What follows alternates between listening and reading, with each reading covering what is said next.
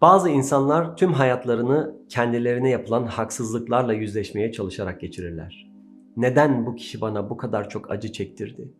Neden bunu yaşamak zorundaydım? Ve bu anlaşılabilir çünkü bazen bu hayatta mantıklı bir şekilde varabileceğiniz bir açıklama yoktur.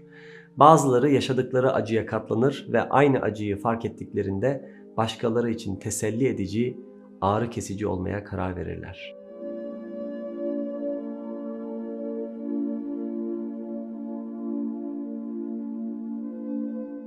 Efendimiz sallallahu aleyhi ve sellem aklımıza gelebilecek her türlü zorluğu yaşamıştır. Dolayısıyla her türlü zorluğun farkındaydı. Kim Efendimiz'den daha çok reddedildi? Kim Peygamber Efendimiz'den daha çok fakirdi sallallahu aleyhi ve sellem?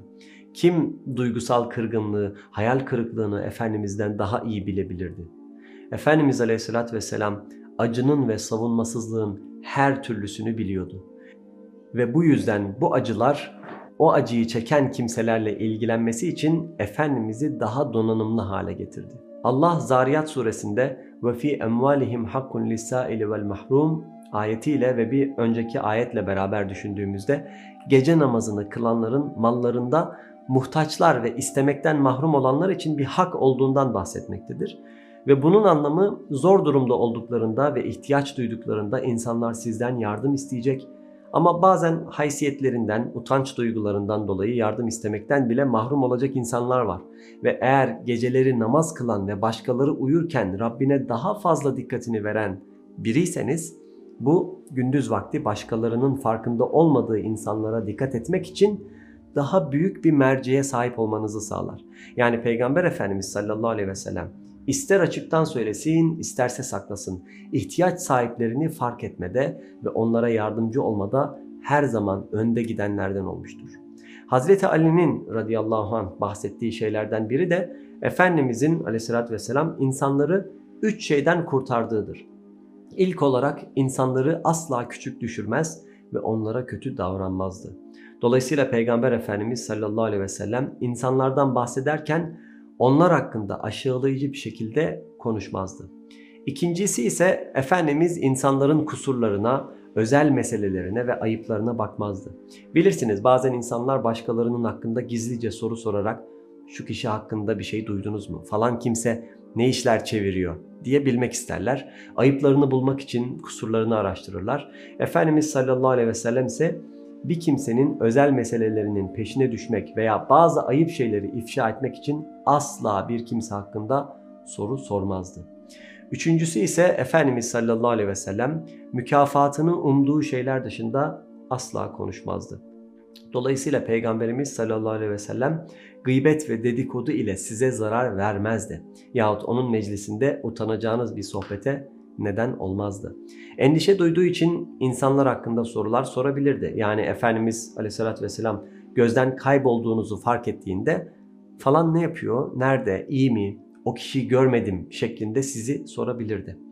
Ayrıca Efendimiz Aleyhisselatü Vesselam insanlarda başkalarının göremeyeceği şeyleri görürdü. Ebu Hureyre'den radıyallahu anh şöyle bir rivayet var. O kadar çok acıkırdım ki Bazen açlıktan bayılırdım. Mideme taşlar bağlardım ve herhangi birinden bir şey istemeye utanırdım. Ebu Hureyre bir süre evsiz kaldı. Ehli suffedendi, onuru ve alçak gönüllülüğünden dolayı insanlardan bir şey isteyemezdi. Peki bunun yerine Ebu Hureyre ne yaptı? İnsanlara kendisinde bir terslik olduğunu fark edeceklerini umarak sorular sordu. İlk olarak Hz. Ebu Bekir Sıddık'a gittim diyor Diyor ki Hazreti Ebu Bekir, Hazreti Ebu Bekir'dir yani o radıyallahu an Efendimizle birlikte en zor anlardan bazılarını yaşamış bir sahabedir. Cömert bir insan, bir asalet timsali. O Efendimiz'den ve peygamberlerden sonra en hayırlı insandır desek yeridir. Hazreti Ebu Hureyre radıyallahu an ona Allah'ın kitabından bir tefsir sorusu sordum diyor. Cevabı biliyordum ama Ebu Bekir'in bana bakıp aç olduğumu fark etmesini umuyordum. Fakat bunun yerine Hazreti Ebu Bekir radıyallahu an soruyu yanıtlıyor ve yoluna devam ediyor. Ebu Hureyre radıyallahu anh sıradaki kişiye gittiğini söylüyor. Sıradaki kişi kim? Hazreti Ömer İbni Hattab radıyallahu an ve ona da Allah'ın kitabı hakkında bir soru sordum ve cevabı biliyordum ama aç olduğumu fark etmesini umduğum için sordum. Fakat o da hiç fark etmedi. O da sadece soruma yanıt verdi diyor. Bunun üzerine Ebu Hureyre ben umutsuzluk içindeyken ve birilerinin fark etmesini umarak açlığımla ilgili olmayan bu soruları sorarken Efendimiz sallallahu aleyhi ve sellem yanımdan geçti diyor. Bu arada burada durmak istiyorum. Bazen yardım çığlıkları atan insanları görüyorsunuz ve bu yardım çığlıklarını görmezden geliyorsunuz. Bazen birinin tweet attığını, bir şeyler yazdığını veya sıradan olmayan bir şey yayınladığını görebiliyorsunuz ve boş veriyoruz. Sadece bakıp geçebiliyoruz. Ama eğer birisi normal olmayan bir şekilde davranıyorsa veya konuşuyorsa ve o kişiyi seviyorsanız endişelenmeli ve olaya müdahale etmelisiniz. Efendimiz sallallahu aleyhi ve sellem Ebu Hureyre'nin yanından geçiyor. Ona şöylece bir bakıyor, gülümsüyor. Ebahir diyor. Böylece adını kısaltıyor. Bu da ona lakabının kısaltılmış haliyle seslenerek onu rahatlatmanın bir yoluydu. Ve Ebu Hureyre lebbeyk ya Resulallah diyor. İşte geldim ya Resulallah işte buradayım buyurun. Efendimiz beni takip et diyor. Ebu Hureyre onu takip ettim ve Efendimiz aleyhissalatü vesselam beni birinin evine götürdü. Orada leben, yoğurtlu bir içecekle servis edildik. Efendimiz içtiği büyükçe bir bardağı yanındakine uzattı ve odadaki diğer herkesi gezmesine izin verdi. Yani herkes içsin diye. Bana ulaşana kadar bana hiçbir şey kalmayacak diye çok korktum.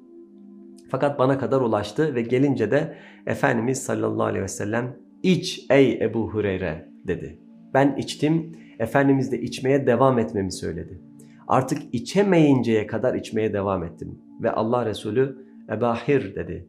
Ben lebbeyk ya Resulallah dedim. Efendimiz doydun mu dedi. Doydum ya Resulallah dedim. Bunun üzerine Efendimiz sallallahu aleyhi ve sellem aldı ve ondan içti. Dolayısıyla Efendimiz aleyhissalatü vesselam başkaları göremezken sizdeki acıyı, açlığı, çaresizliği ya da ihtiyacı görürdü. Çünkü o aleyhissalatü vesselam daha önce oradaydı. Daha önce aç kaldı, daha önce reddedildi, daha önce kimsenin kabul etmediği kişiydi. Ve bu sayede Efendimiz sallallahu aleyhi ve sellem benzer durumda olanları teselli eden kişi olduğundan emin oldu.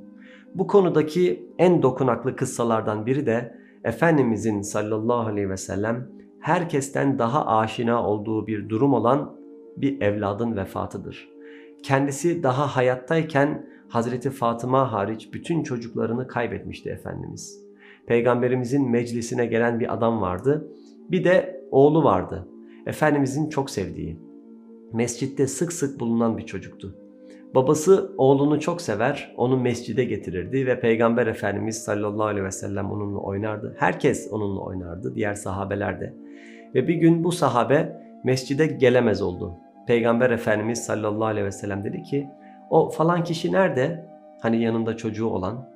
Ve yine endişelendiği için sormuştu. Ya Resulallah, oğlu dediler. Oğlu vefat etti. Ve Efendimiz sallallahu aleyhi ve sellem hemen onu ziyarete gidelim dedi. O insanın yanına gidiyor ve o babanın içinde bulunduğu yoğun hüznü görüyor ve diyor ki ne olduğunu biliyor musun? Adam diyor ki oğlum öldü. Ve Efendimiz aleyhissalatü vesselam o mümine kıyamet gününde oğlunu cennetin her kapısının önünde beklediğini ve senin de onun vesilesiyle seçtiğin herhangi bir kapıdan cennete girebileceğini söylesem sevinmez misin? Sahabe şok olmuştu. Elbette ya Resulallah. Elbette ey Allah'ın Resulü dedi ve Efendimiz'e sallallahu aleyhi ve sellem sordu. Bu sadece benim için mi yoksa herkes için mi? Peygamber Efendimiz aleyhissalatü vesselam bu herkes içindir. Bu bütün bir ümmet için hediyedir diye cevapladı. O babayı etrafta göremeyince arayan Efendimiz'i düşünün. Aç olanları aradı, hüzne boğulmuşları aradı, geri çevrilenleri aradı onlara bir teselli kaynağı olmak için muhtaç olup da isteyemeyenleri aradı. Çünkü bu Efendimizin sallallahu aleyhi ve sellem ihsanının mükemmelliğinin bir örneğiydi.